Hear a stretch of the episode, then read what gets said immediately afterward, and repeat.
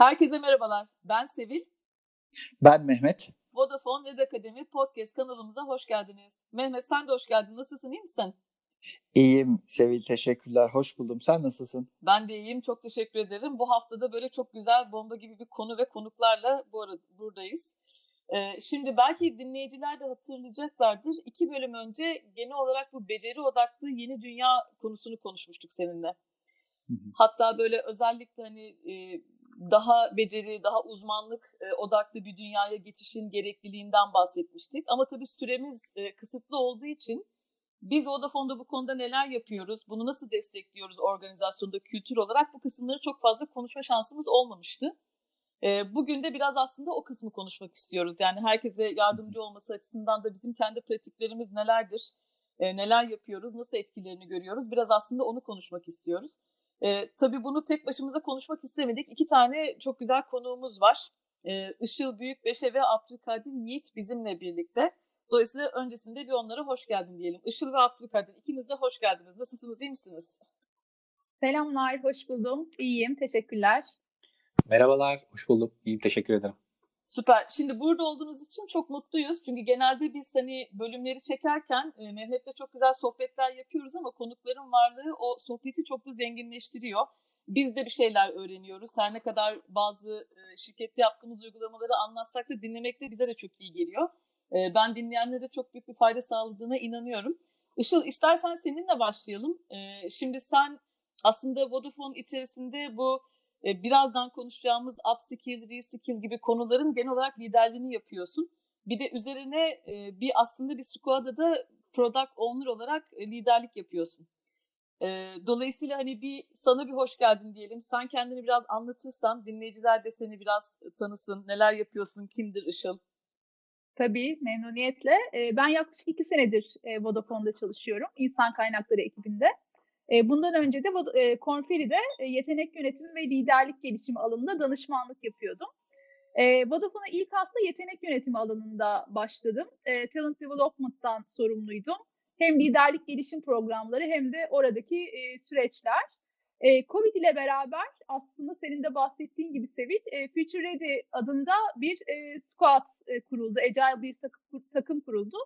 E, ben de oranın product owner'ı olarak şu anda devam ediyorum. E, aynı zamanda çalışan deneyimi çalışmalarından da e, sorumluyum. E, şu anda neler yapıyoruz squad olarak e, dersek de aslında ağırlıklı olarak Covid'den sonra da kalıcı olacak yeni çalışma modelinin prensipleri üzerine çalışıyoruz.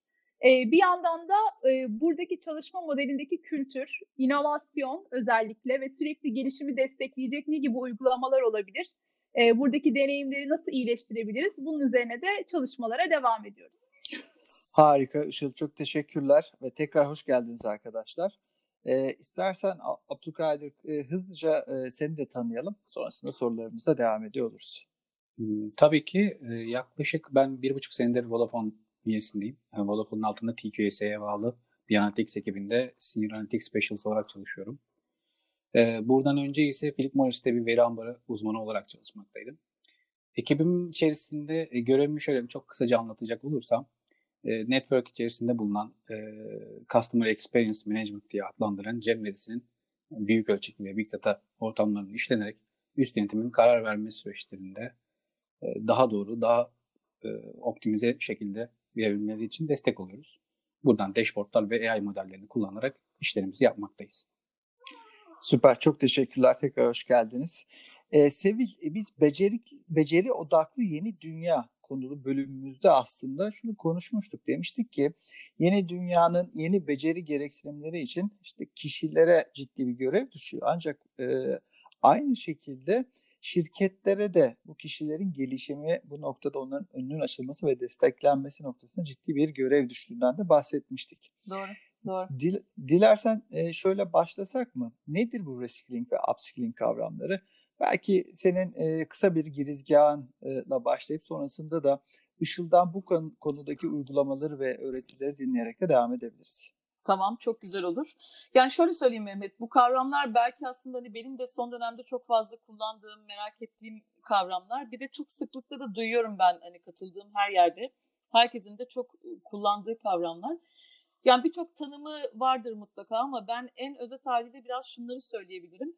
Hani bu işte dijitalleşmeyle birlikte, teknoloji transformasyonuyla birlikte hani şeyi hep konuşuyoruz ya gerçekten işler değişiyor. Ee, bazı işlerin hakikaten içerikleri değişiyor, yapılma şekli değişiyor. Bazı işlerse hakikaten belki de gelecekte hiç olmayacak. Onların yerine yepyeni işler geliyor, roller geliyor.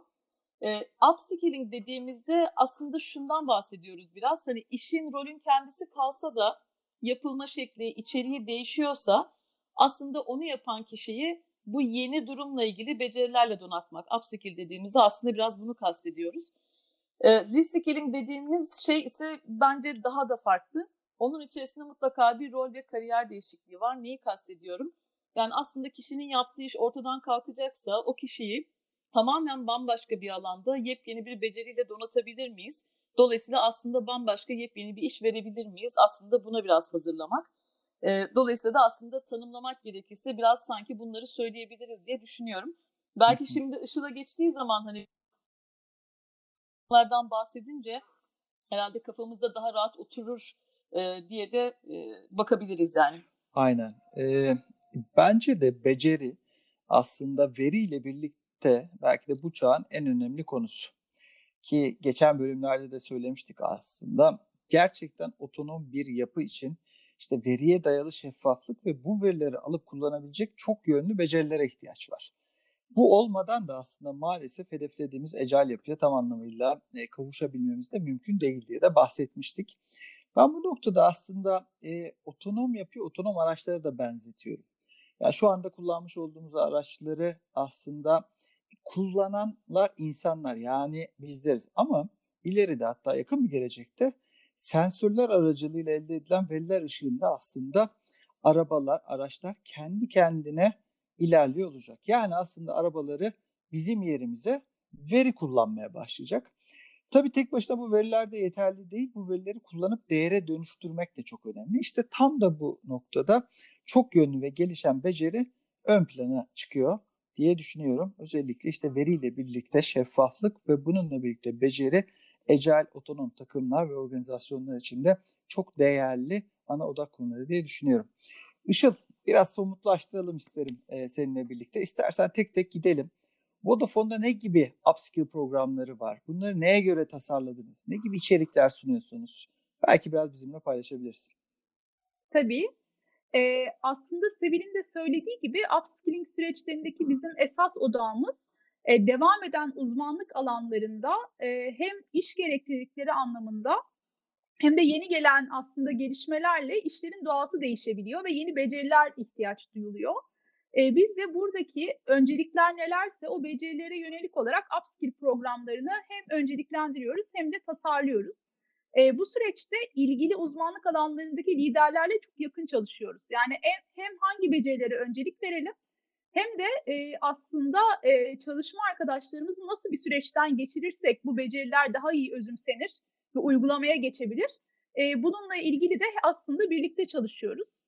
E, ne gibi programlar var dersek aslında hani örneklendirmek gerekirse UX, DevOps, 5G, Automation, AI, e, satışla ilgili ya da Big Data, FinTech gibi ecel çalışmayla ilgili bir takım e, upskill programlarımız var. E, bu programlarda iki şeye dikkat ediyoruz, aslında önemsiyoruz. Biri teorik anlamda gerçekten çalışanlarımızı donatmak farklı uygulamalarla ve farklı çözümlerle. E, bir diğer ve en önemli olan kısım da teorik olarak alınan bilgilerin gerçekten uygulamaya geçebilmesi ve iş çıktılarına yansıtılabilmesi. Dolayısıyla bu bilgilerin uygulamaya geçirilmesine yönelik de fırsatları mutlaka programlara dahil etmeye çalışıyoruz. Peki Işıl, hani ben tabii organizasyonda beraber çalıştığımız için biliyorum ama biraz dinleyenlerle paylaşmak da iyi olabilir diye sana şunu sormak istiyorum. Yani hakikaten kaç kişi katılıyor bu programlara? Nasıl bir fayda oluyor? E, bu programların gerçekten işe dönüşüyle alakalı nasıl bir etki gözlemliyoruz? Biraz onlardan da bahsedebilir misin? Ee, şöyle aslında Vodafone'da Sevil'in de söylediği gibi mevcut alanlardaki işin doğası değişebiliyor. İş gerekliliklerine göre uzmanlıklarda yeni beceri ihtiyaçları olabiliyor. Biz de bu ihtiyaçlardan yola çıkarak upskill programlarını önceliklendiriyoruz ve hayata geçiriyoruz. e, hangi becerileri e, kapsamalıyız? E, bunu kararlaştırmak için de aslında ilgili alanlardaki liderlerle birlikte görüşüyoruz. Hem hangi becerileri e, dahil etmeliyiz upskill programlarına hem de bu becerileri nasıl kazandırabiliriz çalışma arkadaşlarımıza, nasıl bir deneyimle bunu yapmamız lazım. Aslında hep birlikte e, tasarım sürecini birlikte yürütüyoruz.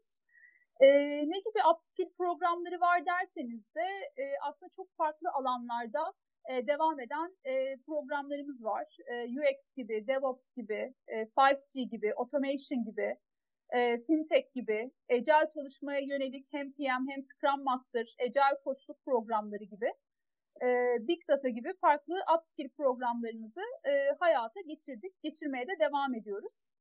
E, buradaki içeriklerde özellikle interaktif etkileşim e, bizim için çok önemli. E, dolayısıyla bu becerileri e, oluştururken ve geliştirirken mutlaka katılımcıların interaktif bir şekilde birbirinden öğrenmelerini de destekleyecek şekilde e, tasarlamaya özen gösteriyoruz. Peki Işıl bir de şeyi soralım hani e, yani ben hani bu programların yarattığı etkiyi organizasyonu da çok iyi biliyorum ama biraz dinleyicilerle paylaşmak da iyi olur diye düşünüyorum. Hani bu programları hakikaten kaç tane insan katıldı, nasıl bir fayda elde ediyor bu insanlar? Tabii bu programların hakikaten işe dönüşü noktasında da hani neyi tetikliyor, nasıl bir etki yaratıyor? Biraz onlardan da bahsedebilir misin? Tabii. E, şu ana kadar 34 tane upskill programını hayata geçirdik Sevil ve bu programlarda da e, yaklaşık 500 tane katılımcımız e, bu süreçten geçti. Dolayısıyla bizim için de çok hakikaten mutluluk verici bir rakam. E, bu kadar çok çalışanımıza ulaşabilmiş olmak. E, bizim için en önemli deneyim şuydu. Gerçekten yani öğrenme tutkusunu e, ve merakı e, buradaki süreçteki yeri e, çünkü şunu gördük yani katılımcılar ne kadar meraklı olursa, ne kadar öğrenmeye istekli olursa e, öğrenilen teorik bilgi o kadar hızlı bir şekilde e, hayata geçiyor ve e, bir şekilde mevcut akıştaki e, işlerde oradaki bilgiler kullanılıyor. E, biz de bunu e, e, hem geri bildirimler olarak hem de iş çıktıları olarak gözlemliyoruz e, becerilerin hızlıca hayata geçtiğini. Evet. Peki bir de isterseniz biraz reskill'den de bahsedelim Işıl. Yani upskill kadar reskill programları da çok önemli.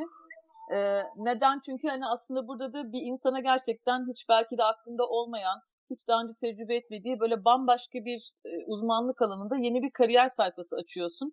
Onu da o yönde geliştiriyorsun. Dolayısıyla hani bayağı ciddi bir değişim insanın kendisi için de. Ee, ben bu noktada biraz Abdülkadir'e dönmek istiyorum. Çünkü Abdülkadir hani bu programlardan e, bir tanesinin katılımcısı.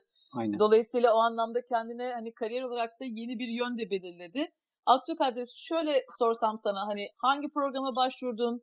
Gerçekten seni bu programa başvururken motive eden şey neydi? Biraz böyle kısaca anlatabilir misin hissiyatlarını, e, başvururken içinden geçenleri biraz paylaşabilir misin? Ee, şöyle söyleyeyim. Ee, öncelikle daha doğrusu sorunuzu cevaplamadan önce bence sürecin e, gizli kahramanları olan ben bazılarına teşekkür etmek gerektiğini düşünüyorum. E, eğitimin özellikle içeriği konusunda Şeniz Gaydi Hayata'ya gerçekten çok teşekkür ederim. Çok detaylı bir süreçti. E, çok şey öğrendik orada. İnsan kaynaklarında özellikle Aslı Doğan yani gerçekten her an aradığımızda yanımızdaydı ve ekip liderim. Yani haftada 3 günümü bu eğitime vermeme rağmen tüm 3 günümü %100 yanımdaydı. Her zaman destek oldu. Öncelikle onlara bir teşekkür ederim. Ee, soruna dönecek olursam da benim katıldığım program aslında Data Science ve Skill Lab programıydı. Ee, bu programda aslında başvurmam da e, çok şey olmadı. Nasıl diyeyim? Mail geldi böyle bir program açıldığına dair. Yani herhalde başvuran herhalde ilk üçte olanlardan biriyimdir o an. Direkt maili hemen açtım. Hemen hızlı bir şekilde başvurdum. Aslında bunun en büyük nedeni de benim bu kariyer yoluma çıkmamda e, ki hedeflerimden biri. Yani günün sonunda veri bilimci olmak istiyordum. E, bu nedenle yani hiç düşünmeden başvurabildim bu tarz projelere. Ve bu zamana kadar da zaten e, bulunduğum ekiplerde Vodafone içerisinde olsun dışında veya hep e, veri bilimine yatkın e, projeler ve ekiplerde olmaya gayret gösterdim. Peki Işıl, bu reskilling programları ile amaçlanan nedir? Belki buradan başlayarak içeride ne gibi programlar var ve bu program katılımcıları öğrendikleri yeni becerilerini uygulamaya geçirme şansını nasıl buluyorlar? Belki biraz da bunlardan bahsedebilirsin. Tabii, tabii Mehmet. Ee, şöyle aslında Abdülkadir bunun için çok güzel bir örnek. Hani biz bu programlarla neyi amaçlıyoruz? Reskilling akademilerindeki esas amacımız çalışanlarımızın e, yeni beceriler kazanarak gerçekten kariyerlerindeki motive duydukları, e, istedikleri rollerde e, devam etmelerini sağlamak. E, dolayısıyla gelişimin ötesinde bir kariyer hareketiyle de e, bunu taçlandırmak bizim için çok önemli. O yüzden hani bu Abdülkadir'in olduğu gibi farklı kariyer geçişlerini e, çoğaltmak ve farklı e, kişilerde de bunları yansıtmak bizler için hani e, en büyük başarı göstergesi diyebilirim. E, ne tür programlar var dersen e, şu ana kadar toplamda 7 Reskilling Akademi'yi organizasyonumuza duyurduk. E, bunlardan ilki geçtiğimiz yıllarda yapılan Agile Coach e, Reskilling e, programıydı ve 10 tane arkadaşımızı Reskilling sürecini tamamlattık ve Agile Coach oldular. E, devamında 6 Reskilling Akademi'yi daha hayata geçirdik. Böyle bir çırpıda onları da bir saymak isterim. UX Designer rolü için vardı. Data Scientist, DevOps System Engineer, Cyber Security Engineer, Big Data ve AI Engineer ve Pega Decision Architect. Tüm, tüm bu altı roldeki Reskilling Akademi'ye toplamda 65 tane katılımcımız yer aldılar. Ve şu anda da aslında buradaki programlarda Reskilling yolculuklarına devam ediyorlar. Burada belki şeyi de söylemek anlamlı olabilir. Yani bu programda nasıl bir deneyimden geçiyorlar? Ee, ve biz nasıl bir tasarımla e, bu programları hayata geçiriyoruz? Ee, aslında iki tane bölümden oluşuyor e, Reskilling programları. Bunların ilki daha ağırlıklı olarak teorik bilgilere odaklandığımız eğitim tarafı. 3 ee, ila 6 ay süren bu birinci bölümde e, teorik bilgileri kapsamlı bir eğitim programıyla aslında katılımcılarımızla paylaşıyoruz. E, burada da gene e, sanal e, sınıflarla, interaktif yaklaşımlarla ve grup çalışmalarıyla e, buradaki öğrenme sürecini destekliyoruz. E, ikinci bölüm ve biz, biz bizce en önemli olan bölüm de buradaki teorik bilgilerin uygulamaya geçirildiği taraf. E, burada da yaklaşık 3 ay süren proje çalışmaları yapılıyor. Ve e, hali hazırda Vodafone'daki uzman e, arkadaşlarımız e, buradaki reskilling sürecindeki katılımcılarımıza mentorluk veriyorlar. E, dolayısıyla e, reskilling katılımcıları e, öğrendikleri becerileri bu gerçek projelerde deneyimleme fırsatı e, buluyorlar. Işıl upskill için e, yanılmıyorsam yaklaşık 500 kişi dedin. Reskill için de 65 kişiden bahsediyoruz ki program konularına da baktığımızda aslında gerçekten de çok sıcak yeni teknolojik alanlardan bahsetmiş olduk. Bu harika bir başlangıç gerçekten. Peki şunu merak ediyorum. Epey bir deneyim var çünkü burada. E, belki buradaki öğretilerden, deneyimlerden e, diğer şirketler veya diğer e, katılımcılar, dinleyiciler de beslenecektir. Bu programların tasarlanmasında ve uygulanma sürecinde sizi ya da katılımcıları en çok zorlayan konular ne oluyor? Burada ne gibi öğretiler var? Mesela işte e, aslında Abdülkadir de çok kısaca söyledi. Belki orayı da açarız birazdan. E, katılımcılara bir yoğunluk yaratıyor mu bu ve buradaki yoğunluğu nasıl ele alıyoruz? Bu e, süreçleri nasıl yönetiyorsunuz? Belki biraz da bunlardan e, konuşabiliriz. Evet, evet. Tabii ki. E, aslında bu programların tasarım aşamasından itibaren hani bizi en çok düşündüren konu e, biraz bu yoğunluktu. E, çünkü katılımcılar mevcut rollerindeki sorumluluklara devam ederken e, bir yandan bu yoğun e, gelişim programıyla yeni bir alanla ilgili beceri kazanıyorlar ve yeni bir mesleğe kendilerini hazırlıyorlar. E, o yüzden de bu, bu süreçte e, onları desteklemek için yani en etkin nasıl ilerletebiliriz diye üç tane e, konuya odaklandık. E, birincisi şu, dedik ki hani iki tarafta gerçekten bir yoğunluk var ve bir dengeyi yönetmek lazım. E, bu kesinlikle yönetilebilir ama bunun için motivasyon şart. E, istemek e, çok önemli. O yüzden biz de bu programlara e, seçim sürecindeyken motivasyonu ve kararlılığı öncelik olarak belirledik. Dolayısıyla seçim sürecinde e, bunu e, mutlaka göz önünde bulundurduk. E, bir diğer odaklandığımız konu da şu, mevcut rolde devam edildiği için aslında buradaki katılımcıların yöneticilerinin desteği de oldukça önemli ve bu süreci sahiplenmeleri oldukça önemli. Dolayısıyla bir yönetici kiti hazırladık aslında bu yöneticilerimize. Hem onlara e, tavsiyede bulunabileceğimiz bir takım davranışlar hem de onları destekleyecek uygulamaları paylaştık bu kitle beraber. E, bir yandan da sürecin en başından itibaren seçim sürecinden eğitime, projelere kadar hep etkileşim içinde kaldık. Dolayısıyla onları da e, sürece dahil etmiş olduk. E, üçüncü ve odak noktamız da bu yoğunluğu dengelemekle ilgili aslında. Bir yandan da biliyorduk ki bu kadar eforu hayata geçirirken e, o becerilerin gerçekten kalıcı olması için deneyimi desteklemek çok önemli. E, bunun için de ilgili alanlardaki uzman liderlerle de hep çok etkileşim içinde kaldık. Onları da sürece dahil ettik. E, çünkü onlar da bir yandan e, kendi alanlarındaki yoğun çalışmalara devam ediyorlar ama bir yandan da e, ne çok güzel bir şey bu aslında. E, reskilling sürecine hem mentorluk hem de tasarım e, sürecinde çok destek oldular.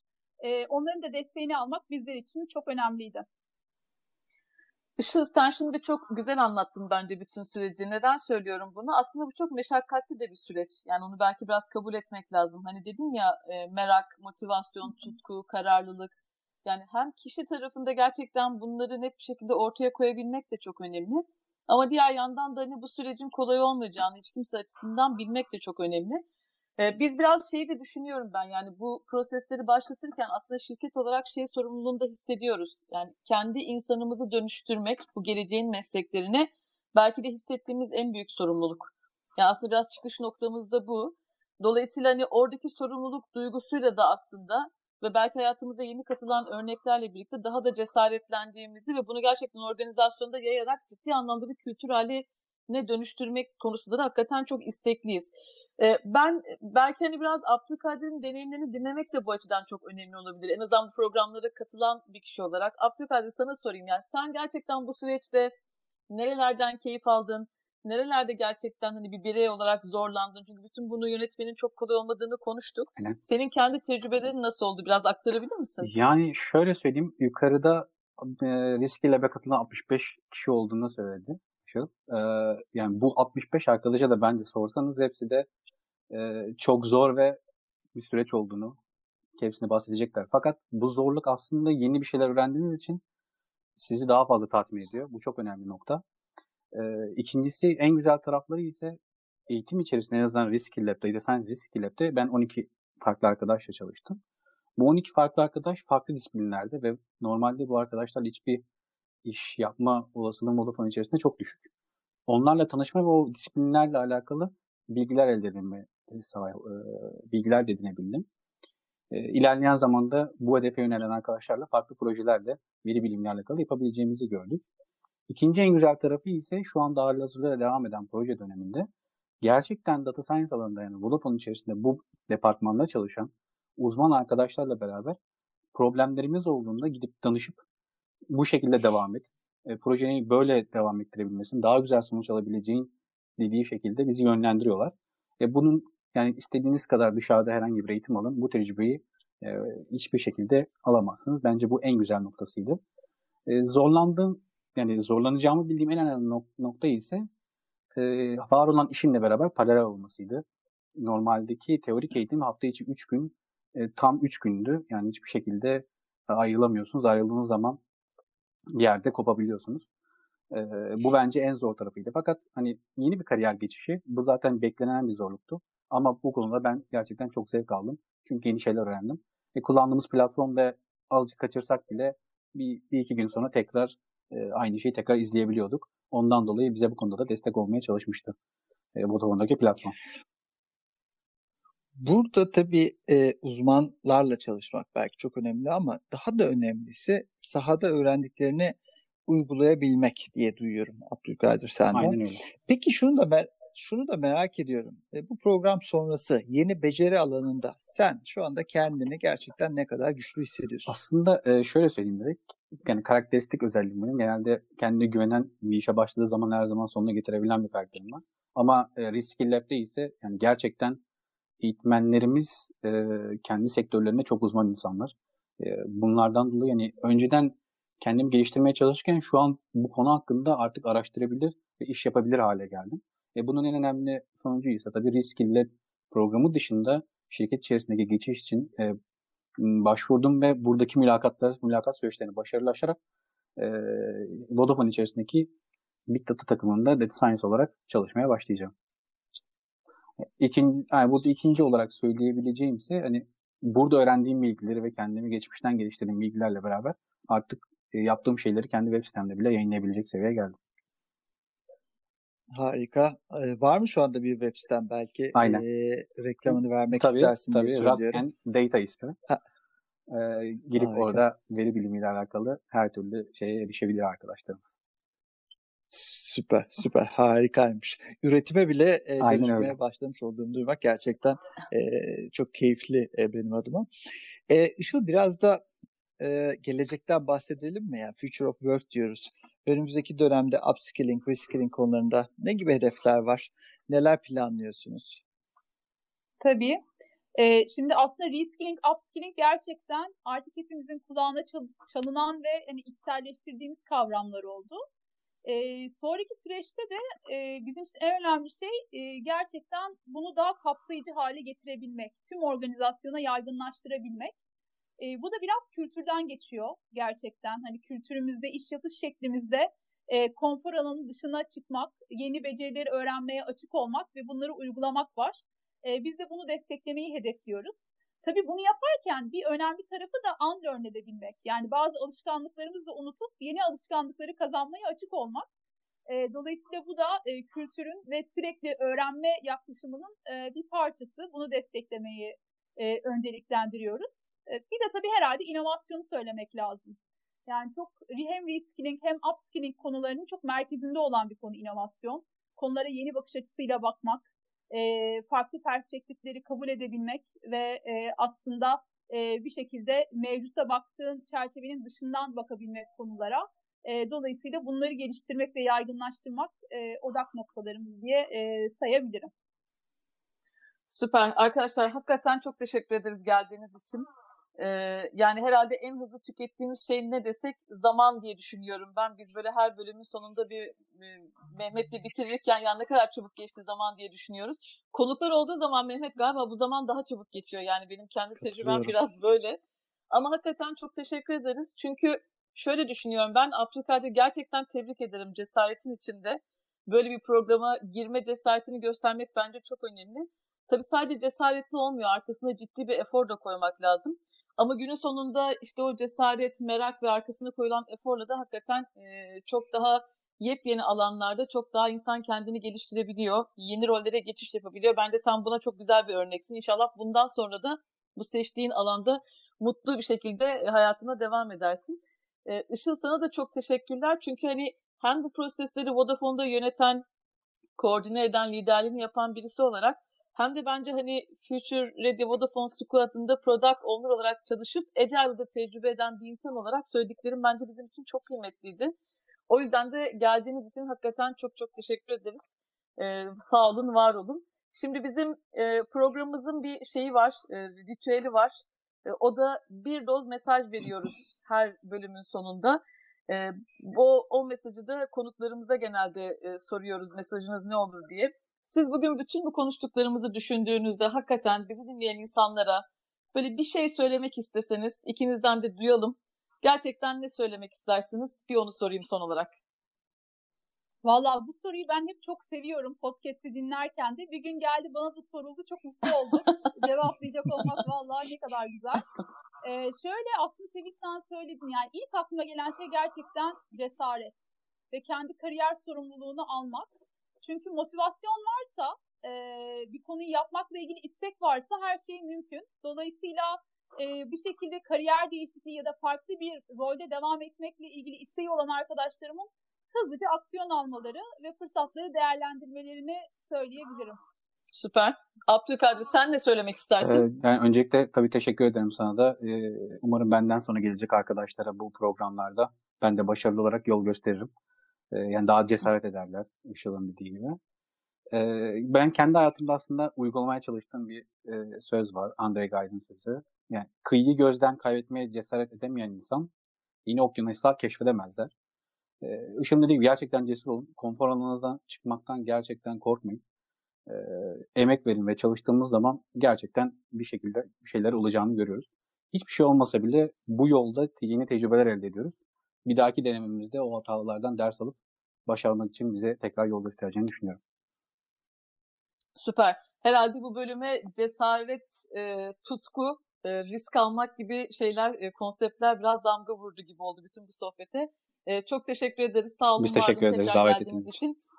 Teşekkür ederim. Bir sonraki bölümde görüşmek üzere. Herkese sevgiler, saygılar, Hoşça kalın. hoşçakalın.